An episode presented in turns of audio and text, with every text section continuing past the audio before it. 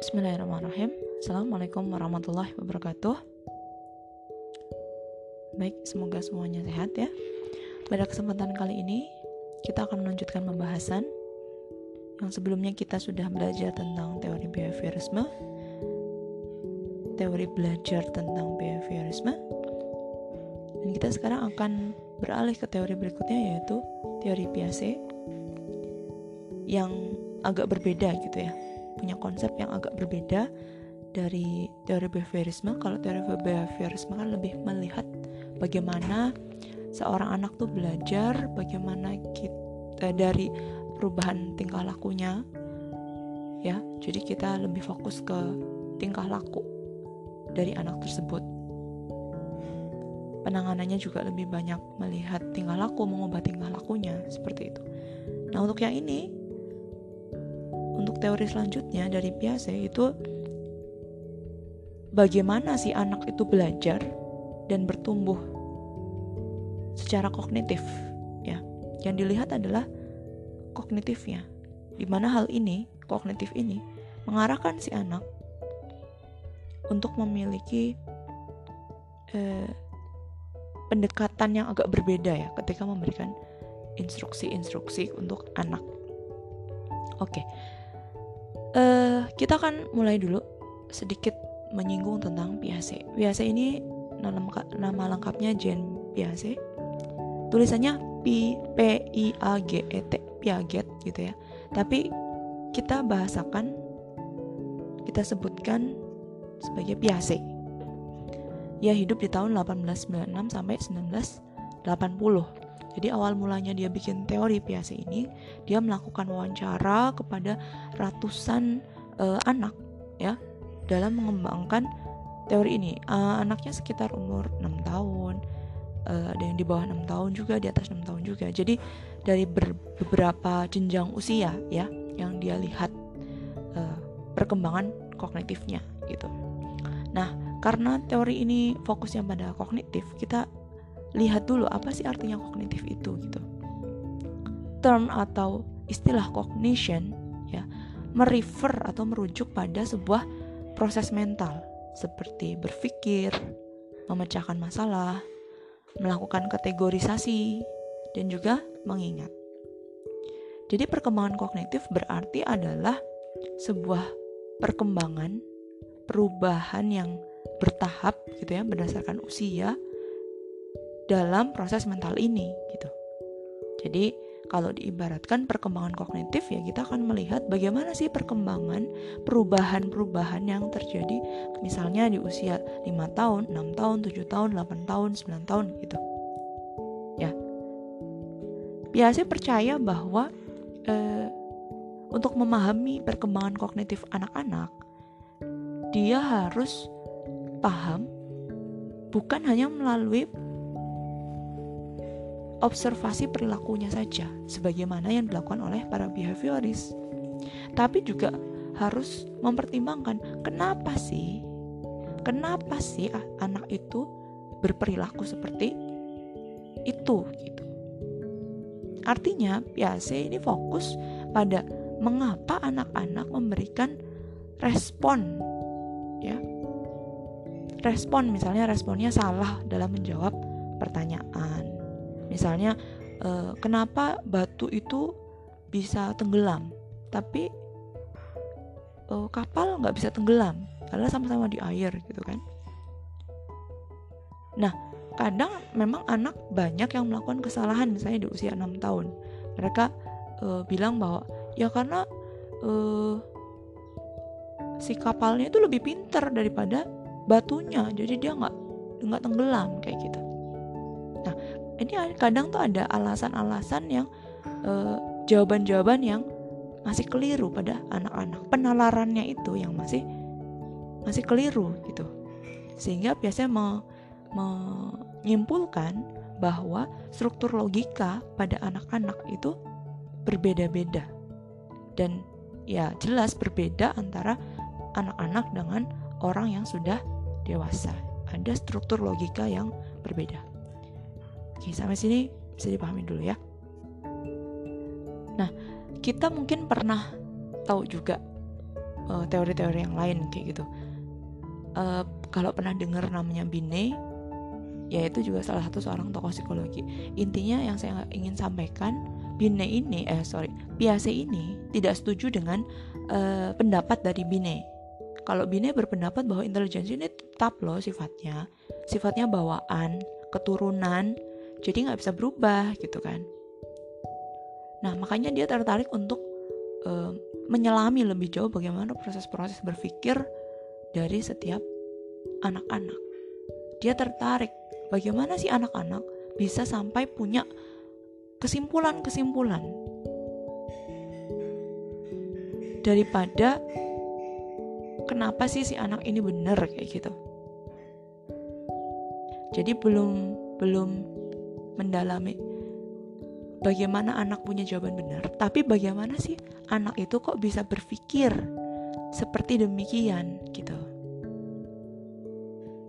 Ya. Biasanya meminta dan mengajak anak untuk ya menemukan logikanya di balik jawaban-jawaban yang dilontarkan oleh anak-anak.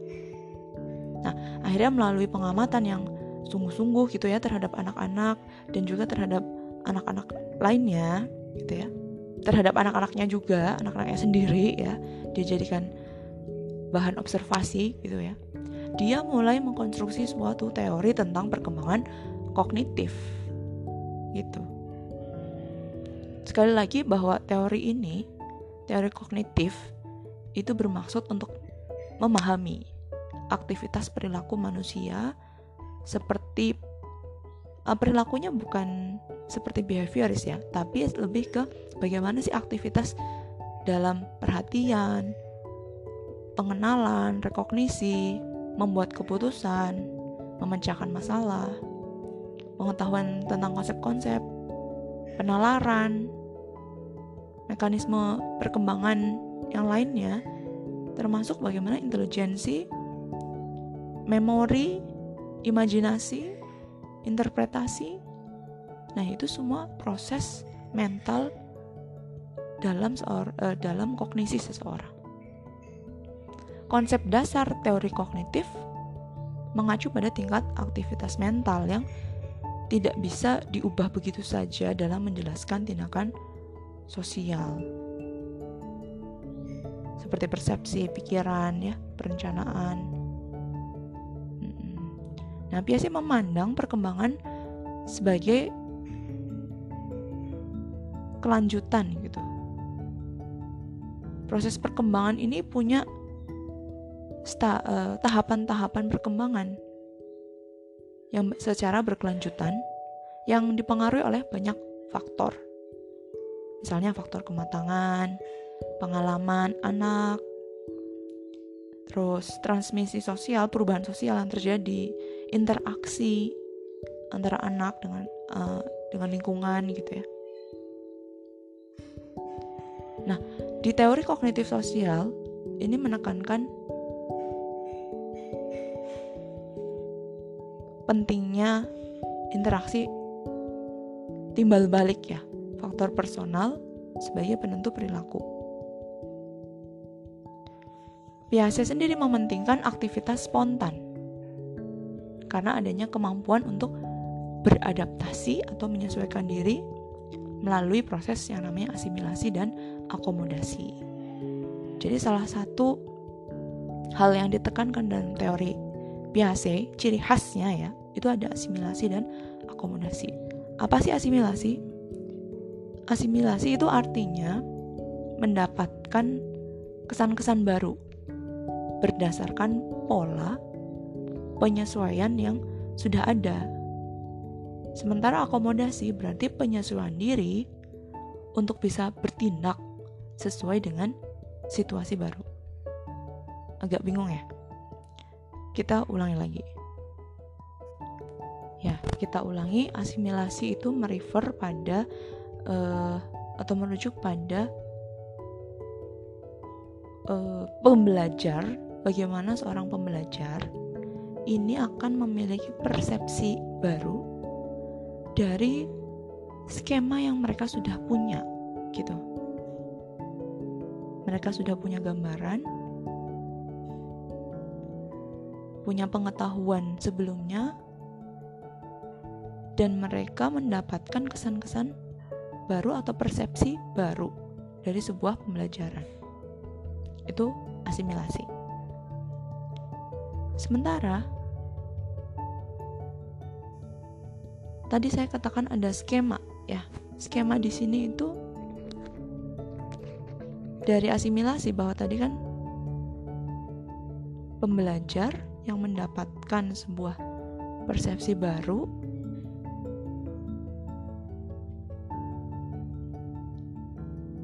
untuk uh, atau berdasarkan dari skema yang sudah ada. Nah, skema ini merupakan struktur kognitif seperti gambar-gambar eh, ima, eh, sorry imajinasi yang sudah mereka punya persepsi dan juga pemikiran kita ambil contoh misalnya ada uh, kelas di tingkat keempat misalnya.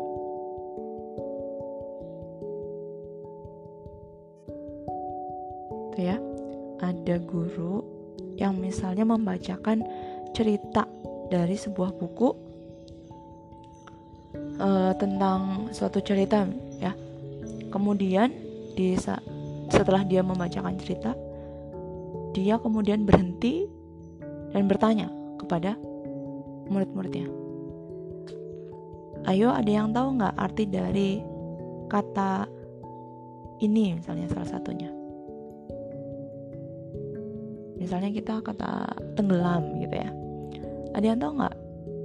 Setelah membacakan cerita misalnya bagaimana uh, kapal bisa bisa kapal itu tenggelam misalnya gitu ya.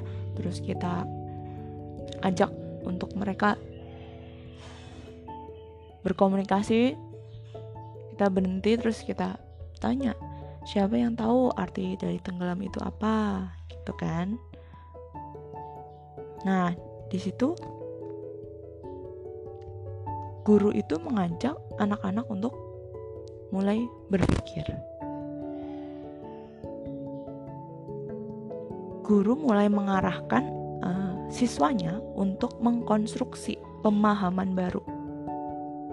Tenggelam itu apa ya? Kalau untuk anak-anak yang sudah pernah tahu, sudah pernah dengar, ya dia akan mencoba mengkonstruksi pikiran-pikiran ide-ide yang muncul itu gitu. Konstruksi pemikiran yang baru, persepsi yang baru itu muncul dari apa yang sudah pengetahuan sebelumnya yang sudah pernah diterima oleh si anak. Tapi bisa juga bahwa anak itu punya kesalahan dalam menjawab, ya bisa juga. Seperti itu. Sangat mungkin, sangat mungkin kalau proses asimil uh, jawaban yang diberikan anak itu salah. Tapi itulah bagian dari proses asimilasi seperti itu. Jadi hanya memberikan pengetahuan baru kepada anak, mengajak anak untuk berpikir, melakukan konstruksi pemikiran dari skema yang sudah mereka punya, itu juga salah satu cara belajar. Tidak harus anak itu langsung benar jawabannya. Tidak harus orang anak itu langsung tepat jawabannya gitu ya. Karena ya tadi seorang anak juga melalui proses asimilasi dalam belajar. Kemudian, akomodasi. Akomodasi ini adalah sebuah proses yang mana seorang anak itu memodifikasi struktur mental atau skema yang sudah mereka punya untuk kemudian diadaptasi dengan pengalaman yang baru gitu. Ini seperti kelanjutan ya dari asimilasinya tadi. Jadi seorang anak melakukan revisi pada skema yang mereka sudah ada terhadap pengalaman baru yang lebih masuk akal. Misalnya kayak tadi. gurunya mengat, e, memancing ya, memancing anak dengan bertanya, "Siapa yang tahu apa itu tenggelam?" gitu kan. Nah, mungkin karena anak-anak berpikir tenggelam itu kapal, jadi ada yang menjawab misalnya tenggelam itu e, kalau ada kapal lagi jalan gitu misalnya. Karena bisa jadi jawabannya salah, belum benar, belum logis gitu ya. Kemudian si guru itu melakukan misalnya sebuah contoh. Dia menaruh batu ya menaruh batu ke dalam air. Nah ini namanya tenggelam. Dia bilang gitu. Terus dia tanya jadi apa? Artinya tenggelam itu yang seperti apa ya? Gitu. Baru anaknya akan memahami ya dengan pengalaman yang baru yang dia peroleh dia jadi ngerti oh tenggelam itu kalau batu sampai jatuh ke bawah ke dalam air kayak gitu. Ini yang namanya akomodasi. Jadi proses di awal di mana kita membentuk atau mencoba membangun proses berpikir anak asimilasi dengan adanya uh, apa ya persepsi yang baru yang bisa jadi masih salah di mana anak menggunakan skema yang sudah ada kemudian dilanjutkan dengan akomodasi dasi di mana anak itu mendapatkan pengetahuan baru, merevisi pengetahuan lama yang dimilikinya itu tadi dengan pengalaman-pengalaman baru yang lebih masuk akal. Oke, misalnya lagi contoh. Ada seorang anak kecil gitu ya. Dia pergi jalan-jalan ke toko bina, toko hewan misalnya. Uh, apa peliharaan, toko hewan peliharaan gitu. Terus dia melihat satu jenis hewan lagi yang sebenarnya dia belum tahu itu apa. Tapi menurut dia itu mirip banget sama kucing, anak kucing yang ada di rumahnya. Kakinya empat, ada bulunya, ya, bulunya sangat lembut, misalnya kayak gitu. Jadi dia me, ya, me, apa, me, mendekati, mendekati si hewan tersebut. Dia mengatakan, kucing kecil kucing kecil gitu kan. Kucing kecilku kayak gitu. Padahal dia belum tahu itu apa. Tapi dia melakukan asimilasi dari skema yang sudah ada. Di dalam skemanya dia kalau kakinya empat berbulu seperti itu ya namanya kucing anak kucing gitu ya. Padahal dia itu berbeda dengan kucing. Tapi memang karakternya itu mirip. Kakinya empat dan berbulu seperti kucing. Namanya singung ya. Kalau ada yang pernah dengar namanya singung. Misalnya gitu ya. Singung kan juga mirip gitu ya. Nah kemudian setelah dia berteriak seperti itu ya kucing kecil kucing kecil gitu kan. Mamahnya uh, mamahnya itu kemudian mendekat. Mana nak kucingnya? Kayak gitu misalnya. Itu mah aku pengen yang itu kucing itu gitu. Terus mamanya bilang itu bukan kucing. Itu namanya singung gitu. Oke. Bisa dipahami ya. Jadi prosesnya ketika dia melakukan asimilasi itu dia memakai skema yang dia punya untuk mendefinisikan satu hal tapi ketika ada pengalaman baru, dalam hal ini mamanya yang menegur terus bilang, itu bukan kucing, itu namanya singung misalnya. Itu yang namanya akomodasi, di mana pengalaman baru baginya ada pengalaman ditegur mama dan dia mendapatkan pengalaman baru bahwa yang seperti itu itu bukan kucing tapi adalah singung. Akhirnya anak itu merevisi skemanya. Oh ternyata yang namanya kaki empat berbulu seperti itu namanya singung. Karakteristiknya mirip sama kucing kecilku, tapi berbeda juga. Gitu. Gitu ya. Jadi ketika asimilasi dia menggunakan skema sebelumnya untuk mendefinisikan satu hal baru untuk memaknai satu hal baru Sementara ketika akomodasi itu, kita merevisi skema kita berdasarkan pengalaman baru yang kita peroleh sehingga lebih benar gitu lebih uh, logis lebih masuk akal seperti itu. Semoga bisa dipahami ya. Oke selanjutnya adalah masuk ke perkembangan kognitif berdasarkan Piaget perkembangan kognitif itu terjadi dalam tahapan-tahapan dia menggambarkan ada empat tahap yaitu sensori motor, preoperasional, konkret operasional, dan formal operasional. Oke, coba ulangi. Senso sensori motor, preoperasional, konkret operasional, dan formal operasional. Biasanya menyatakan bahwa perkembangan mempunyai dukungan di dalam satu tujuan. Jadi dari sini biasanya memang sangat menekankan adanya tahapan-tahapan dalam usia. Sebenarnya dia tidak mengatakan bahwa usia tertentu pasti ada di dalam satu tahap tertentu ya. Tapi dia lebih percaya bahwa beberapa anak bisa mencapai satu tahapan lebih atas atau lebih bawah gitu ya. Tahapan dalam berpikir itu jika dibandingkan dengan usia rata-rata anak-anak pada seusianya gitu. Artinya seorang anak itu bisa jadi punya kemampuan kognitif yang lebih tinggi atau sedikit lebih tinggi ataupun sedikit lebih rendah daripada anak-anak. Maksudnya daripada kemampuan berpikir pada rata-rata anak-anak seusianya.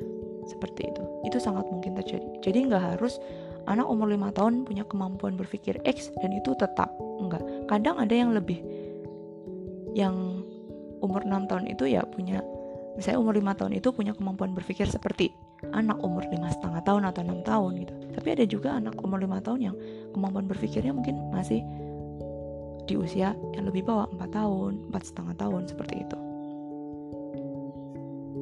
Nah adanya perbedaan perkembangan kognitif pada masing-masing anak itu ya itu bisa jadi menurut biasa ini di setiap tahapannya itu kan penting ya formasi pembentukan dari setiap tahapan itu yang bisa mempengaruhi pada tahapan selanjutnya. Perbedaan ini terjadi karena satu anak dengan anak yang lain masa-masa pembentukan di tahap sensori motor, terus preoperasional, konkret operasional sampai formal operasional itu kan berbeda-beda. Misalnya, anak yang usianya sudah di tahap misalnya usianya sudah agak remaja gitu ya atau sudah mulai remaja. Harusnya kan sudah konkret operasional misalnya. Nah tapi kita mundur lagi di tahap sensori motor dan tahap preoperasional itu kan dia punya perkembangan yang berbeda ya sehingga menyebabkan di tahap konkret operasionalnya juga bisa berbeda. Di usia 0 sampai 2 tahun dia mendapatkan stimulasi seperti apa, perkembangan, perkembangan uh, kognitifnya seperti apa. Anak A dengan anak B sangat mungkin berbeda. Hal ini menyebabkan tahap selanjutnya di usia 2 sampai 7 tahun preoperasionalnya juga jadi berbeda. Sehingga ya nanti di usia selanjutnya akan jadi berbeda juga di tahap konkret operasional. Nah, itu yang menyebabkan perbedaan-perbedaan kemampuan kognitif dari masing-masing anak. Tapi memang Piaget sendiri tidak melakukan penelitian mendalam bagi uh, alasan-alasan yang menyebabkan perbedaan individual itu.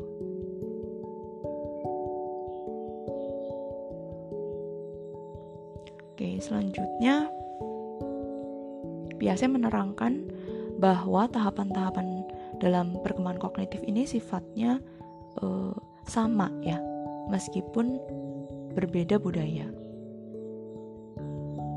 Jadi mau di budaya Indonesia yang cenderung ketimuran juga budaya barat itu punya tahapan yang sama seperti itu.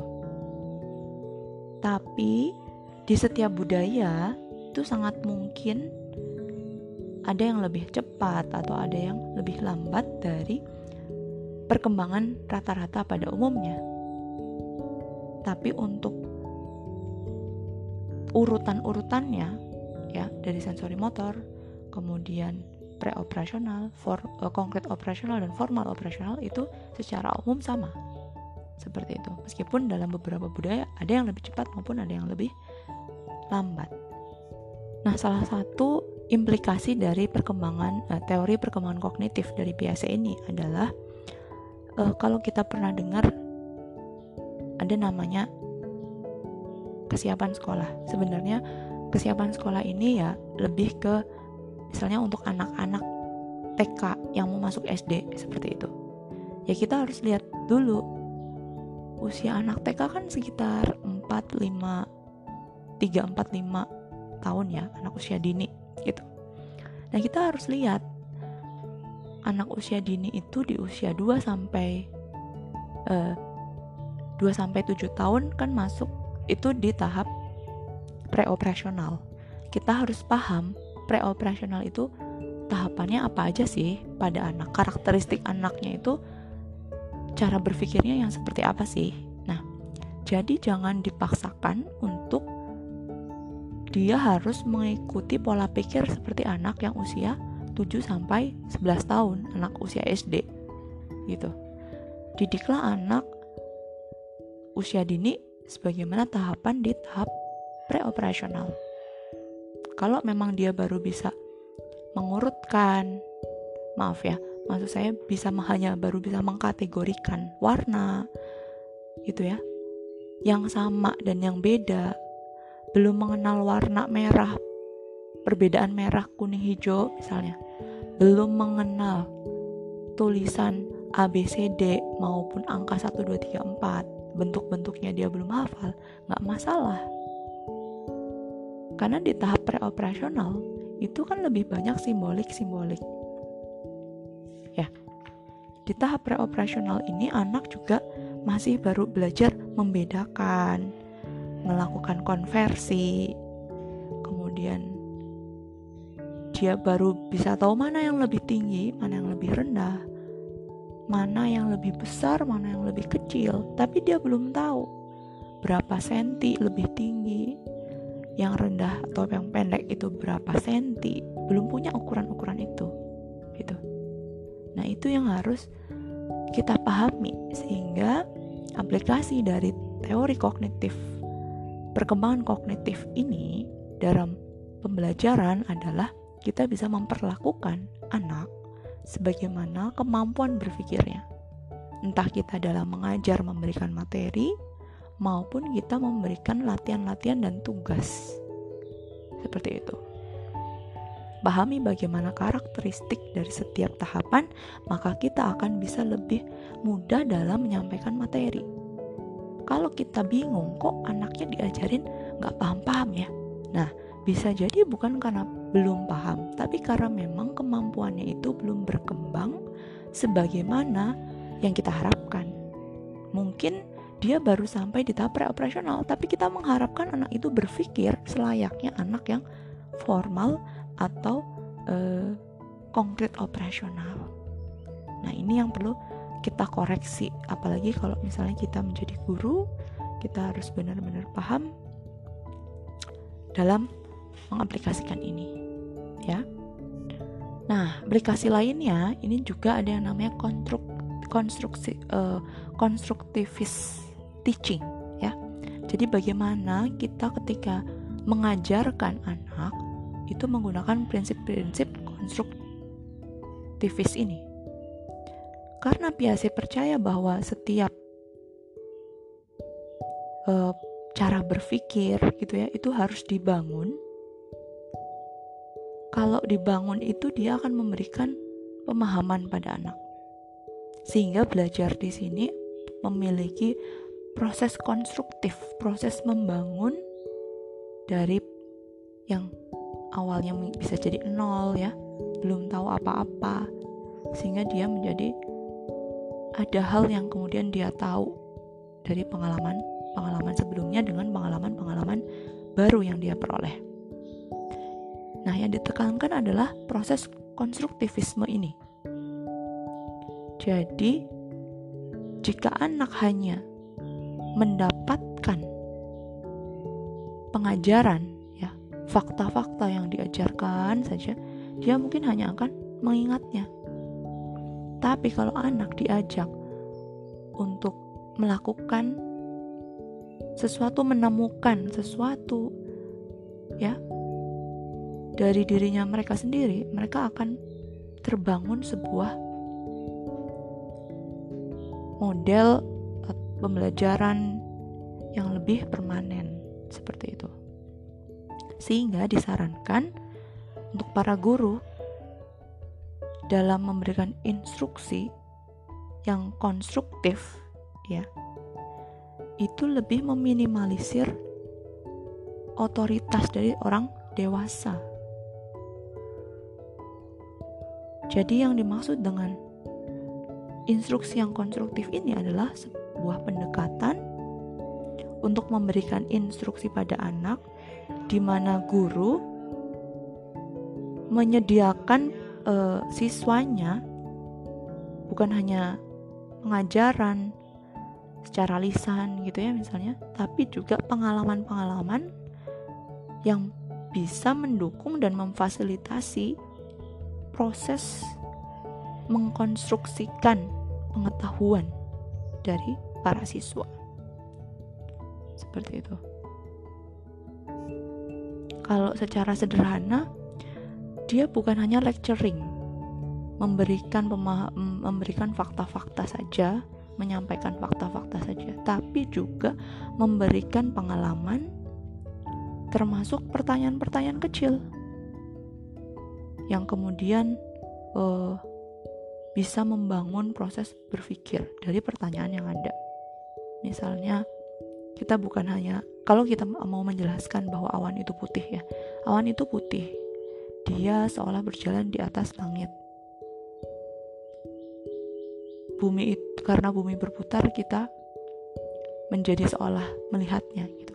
Bandingkan dengan kita mempertanyakan terlebih dahulu, kenapa ya awan itu putih? Kenapa ya awan itu seolah berjalan mengikuti kita? Gitu. Itu sesimpel dengan mempertanyakan satu pertanyaan daripada kita langsung menyodorkan sebuah fakta-fakta kepada siswa. Seperti itu. Kita juga bisa meminta siswa-siswa untuk berpikir lebih mendalam. Seperti itu, mengajak mereka berpikir mendalam, merenungi, ya. Dan bisa juga untuk lebih banyak memberikan pengalaman-pengalaman eksperimen-eksperimen. Jadi kita mengajak anak langsung mempraktekkan sebuah materi yang mau kita berikan gitu ya. Kita ajak mereka supaya mereka mau mempraktekannya secara langsung. Misalnya mau mengajarkan berwudu gitu. Bukan hanya kita menjelaskan cara berwudu yang pertama adalah 1, 2, 3, 4 gitu. Tapi kita juga bisa membawa siswa kita untuk langsung berpraktek ya mencoba merasakan air wudhunya, bagaimana cara pertama membuka kerannya, airnya harus seberapa, sunahnya seperti apa, tahapan yang pertama apa, berdoa dulu misalnya, kemudian mem e, membasuh bagian apanya dulu gitu. Sehingga anak-anak bisa lebih mengingat pembelajaran atau materi yang diberikan. Oke, saya kira itu dulu materinya. Cukup ya kita cukupkan. Terima kasih sudah mau mendengarkan. Wassalamualaikum warahmatullahi wabarakatuh